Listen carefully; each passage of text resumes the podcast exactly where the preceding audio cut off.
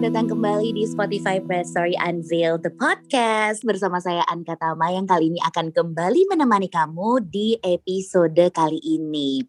Kali ini episodenya seru banget karena um, pas dibaca-baca ternyata aduh aku pernah mengalaminya dan kayaknya boleh banget kalau misalnya hari ini kita akan ngobrol langsung bersama dengan salah satu teman kami juga. Di edisi kali ini topiknya adalah gimana sih caranya memulihkan diri dari trauma hubungan masa lalu. Karena setiap orang tuh pasti pernah lah menjalani hubungan yang mungkin percintaannya baik-baik aja gitu. Tapi seiring berjalannya waktu mungkin juga ada kalanya menemui hubungan percintaan yang tidak mulus. Nah, sebagian malah ada yang meninggalkan jejak trauma tersendiri.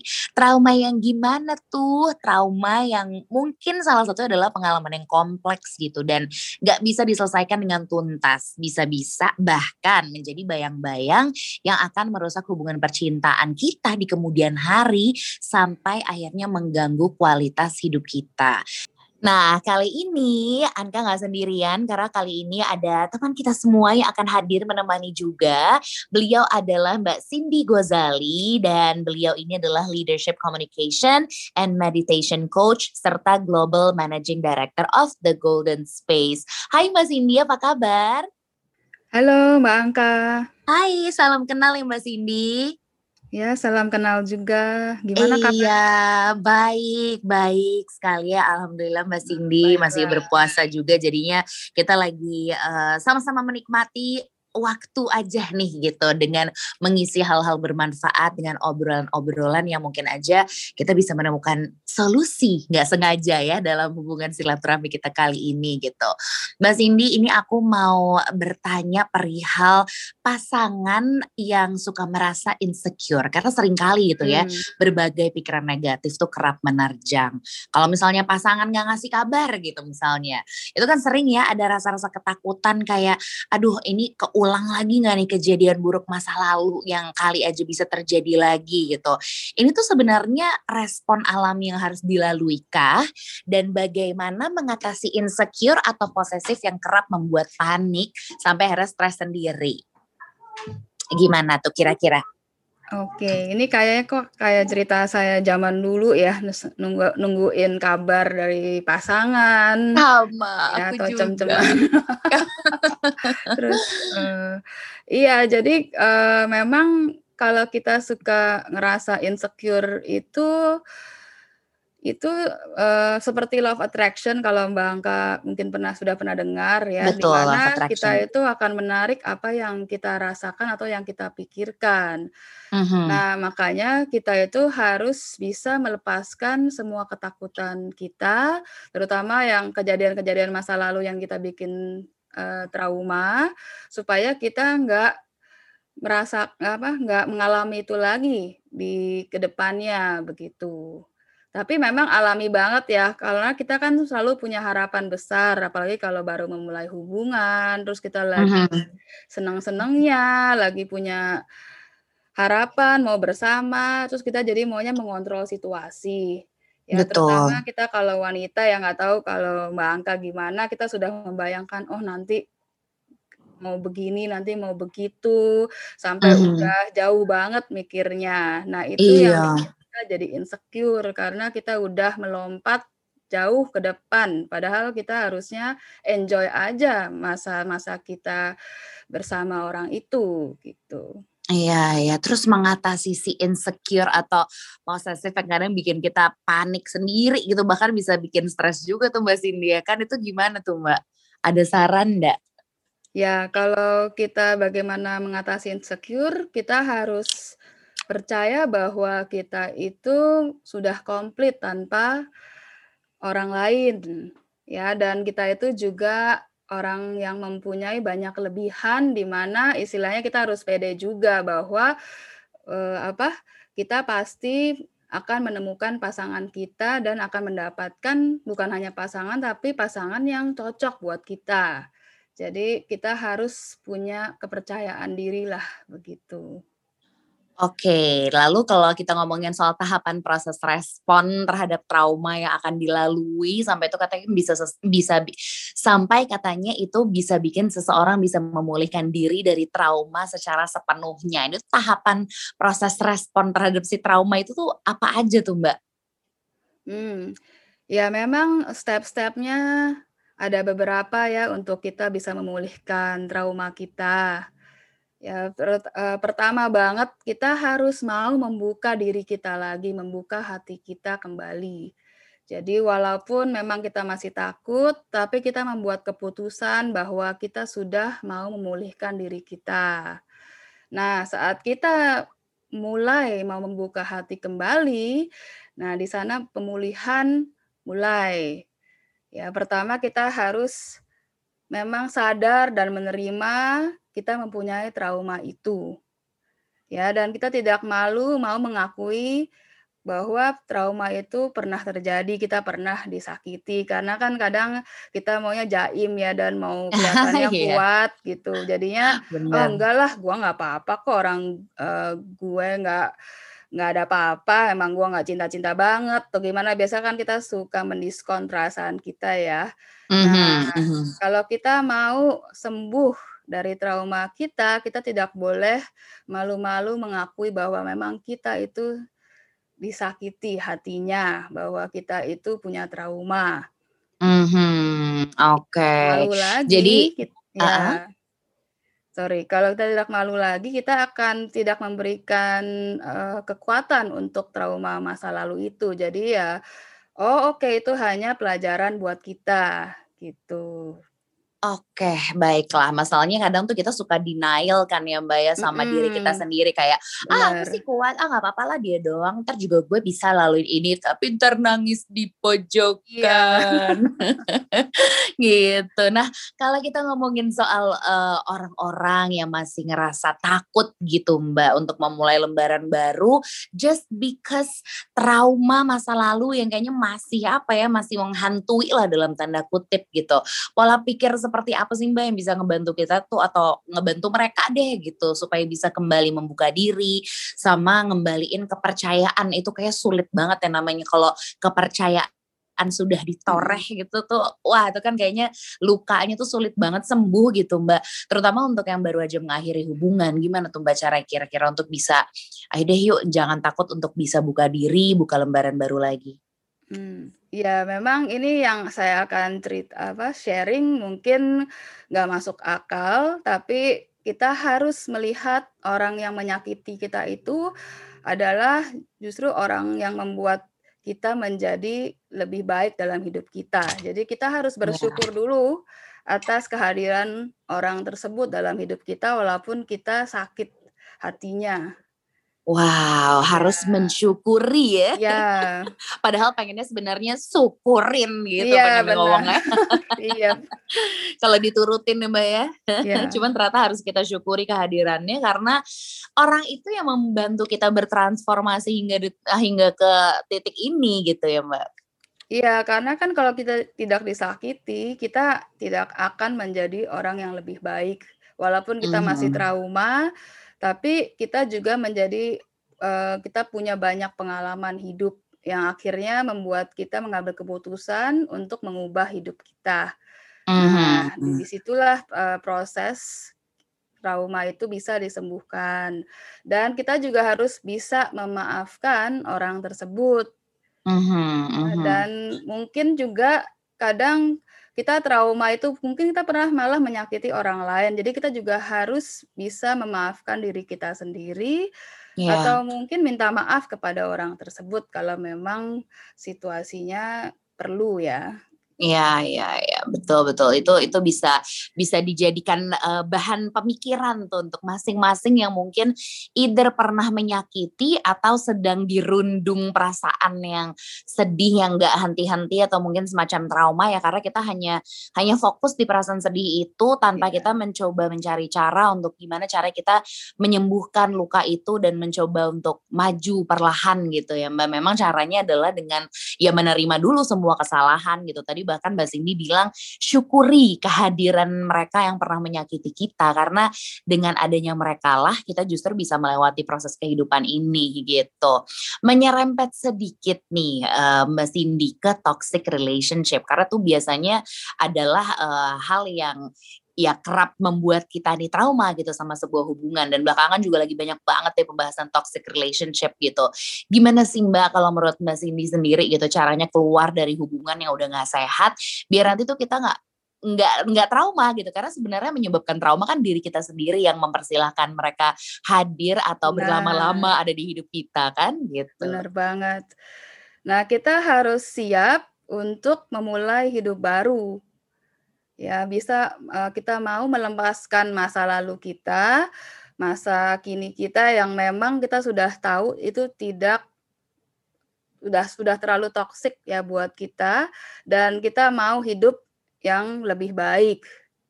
Ya karena walaupun kita di toxic relationship itu juga comfort zone ter, apa comfort zone juga tuh uh, Mbak Angka karena kan hmm. sesuatu yang nyaman yang sudah biasa.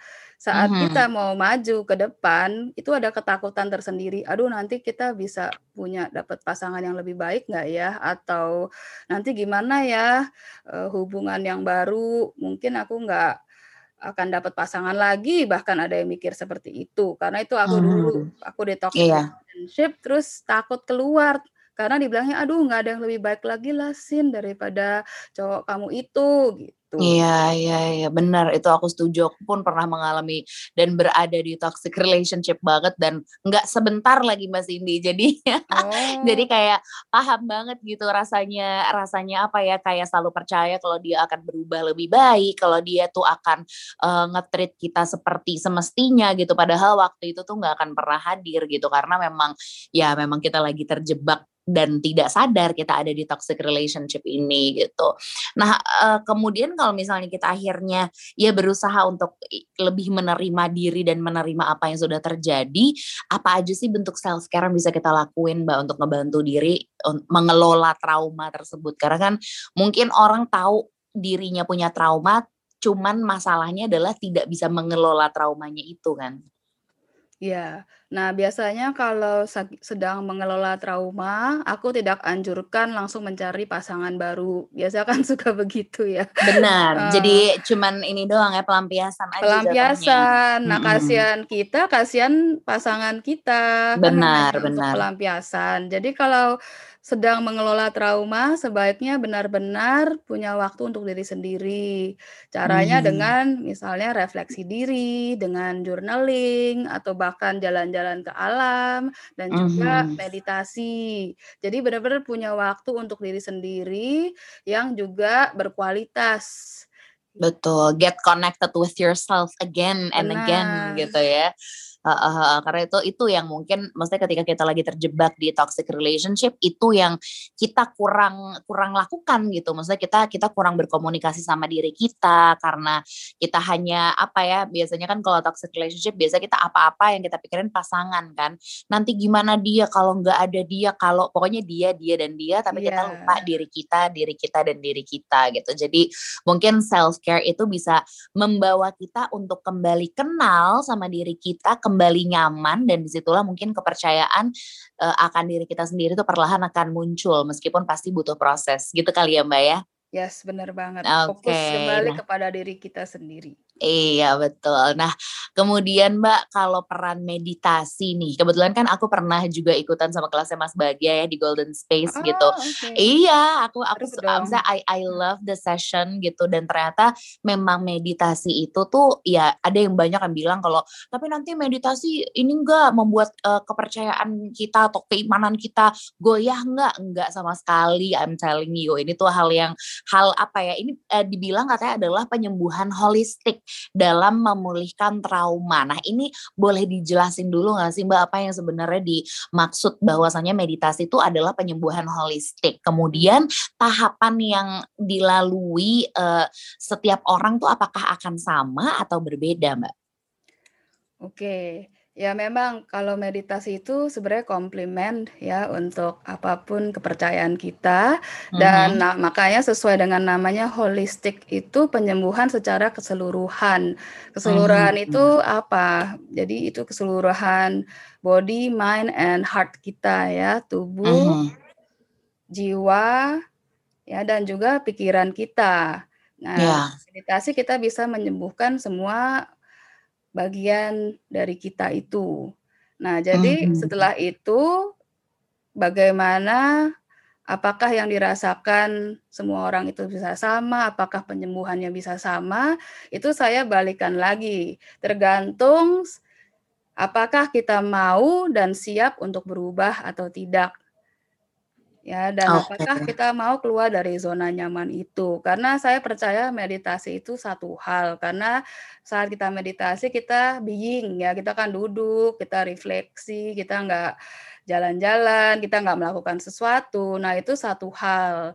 Tapi setelah meditasi, biasa kan kita mendapatkan jawaban ya, mendapatkan clarity. Nah, itu kita biasanya harus melakukan sesuatu di kehidupan kita. Nah, biasanya itu yang kadang ditakutin sama orang-orang hmm. gitu. Misalnya saya tuh dulu pernah diminta guru meditasi saya untuk menelpon satu cowok yang saya naksir, tapi saya nggak berani ngomong. Jadi PR saya saya harus mm-hmm. menelpon cowok itu. Oh, nah okay. itu jadi wah itu saat itu gengsi banget kan. Tapi uh-huh. enggak kamu telepon aja karena kalau kamu telepon kamu kan udah nunggu-nunggu lama. Kamu iya. telepon, kamu tahu jawabannya. Kalau dia nggak mau kan kamu bisa uh, apa move on. Nah itu yang aku lakukan dan benar cowok itu bilang oh aku nggak suka sama kamu. Nah aku langsung bisa move on. Kalau nggak kan nunggu-nunggu ya gitu. Iya iya itu semacam kayak mendapatkan jawaban meskipun ya mungkin bisa dibilang harsh truth ya gitu. Cuman benar. jadi kita tuh tahu gitu seenggaknya nggak penasaran seumur hidup dan men menyisakan unfinished business yang atau nggak unfinished feelings gitu mungkin yang akhirnya membuat kita tuh berpikir yang nggak nggak nggak perlu kita pikirin juga sebenarnya karena padahal sesimpel nanya tapi kita nggak berani gitu kan Oke, okay, ya ya ya baiklah. Aduh, ini mas seru banget sih Mbak Cindy. Sebenarnya aku pengen banget ngobrol lebih lama ya gitu. Nah, ini aku sebelum menutup perbincangan kita hari ini nih Mbak Cindy ada yang pengen Mbak Cindy sampaikan gak sih gitu on behalf of uh, uh, the golden space sendiri gitu yang memang ketemu banyak sekali uh, sebutannya apa clients gitu kali ya mbak ya yang yeah. yang butuh yang butuh healing gitu dan uh, mungkin kebanyakan ini karena kita lagi fokusnya tentang hubungan yang mungkin toxic gitu apa yang bisa Mbak Cindy sarankan sih ke mereka yang masih terjebak dalam hubungan toksik ini dan saat ini nih sebenarnya mereka pengen mencoba mencari pertolongan tapi mereka bingung harus ke mana gitu. Oke, ya kalau pesan aku selalu aku akan bilang love yourself first. Mm-hmm, ya, mm-hmm. saat kita mencintai diri kita, baru kita bisa dicintai orang lain. Iya. Dan kita harus yakin bahwa saat kita itu fokus dengan diri kita, saat kita full of love, baru kita bisa memberikan cinta yang tulus juga untuk orang lain.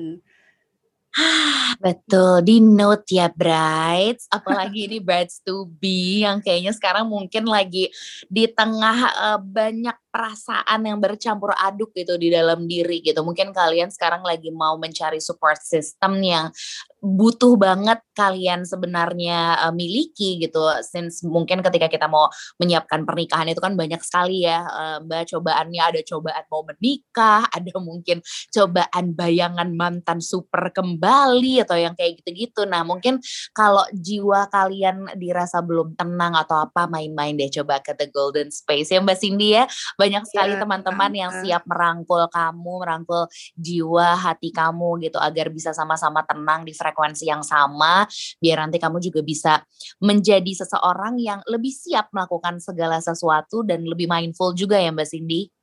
Yes, benar banget Mbak Iya, oke okay, then thank you so much for your time ya Mbak Cindy sudah memberikan kita uh, sedikit banyak pelajaran untuk bisa menerima diri dengan lebih baik lagi dan semoga juga ini bisa menjadi insight yang bermanfaat untuk kamu brides to be dan untuk kamu juga yang mungkin sedang struggling sama perasaan-perasaan yang tidak nyaman di dalam diri gitu. Semoga Mbak Cindy juga bisa menjalani uh, kehidupan yang selalu lebih dan lebih baik lagi dari hari ini ya Mbak. Begitupun yang mendengarkan. Semua uh, brides to be sekali lagi kita ucapkan terima kasih banyak. Uh, Mbak Cindy sendiri ada yang mau disampaikan lagi Mbak? Mungkin uh, dari Mbak Cindy mungkin ada yang mau disampaikan kalau misalnya mau main-main ke The Golden Space gitu misalnya. Caranya gimana? Kemudian lokasinya di mana? Monggo Mbak Cindy. Ya, pertama aku mau ucapkan terima kasih nih Mbak Angka dan Bright Story atas kesempatannya bisa sharing ya pengalaman-pengalaman aku. Terus Terima juga kasih ya juga. sangat welcome untuk teman-teman Bright Story kalau mau main ke Golden Space, kita ada di Sudirman Park. Dan Mhm. itu baru buka offline store kita dan offline classes kita. Dan kita juga available online, mungkin teman-teman yang rumahnya jauh atau di luar kota bisa ikut-ikut kelas kita secara online. Oke, baik nanti langsung saja di, eee, Instagram-nya ya, bisa langsung dilihat di The Golden Space. Terima kasih banyak sekali lagi Mbak Cindy for your time untuk, eee, kesediaannya sharing hal yang mungkin tidak mudah untuk dipaparkan gitu, tapi yakinlah kalau energi yang baik itu pasti menular juga. Jadi semoga yang hatinya tidak tenang juga ikutan tenang mendengarkan suara Mbak Cindy ya. Terima kasih sekali lagi untuk, eee, Spotify Bright Story yang sudah memberikan, eee, kita kesempatan untuk bisa ngobrol lebih banyak di sini. Jangan lupa Brights untuk stay tune terus di Instagram dan juga Spotify Bright Story untuk bisa mendengarkan Bright Story Unveiled the podcast dan bisa dilihat juga segala info yang ada di Instagram.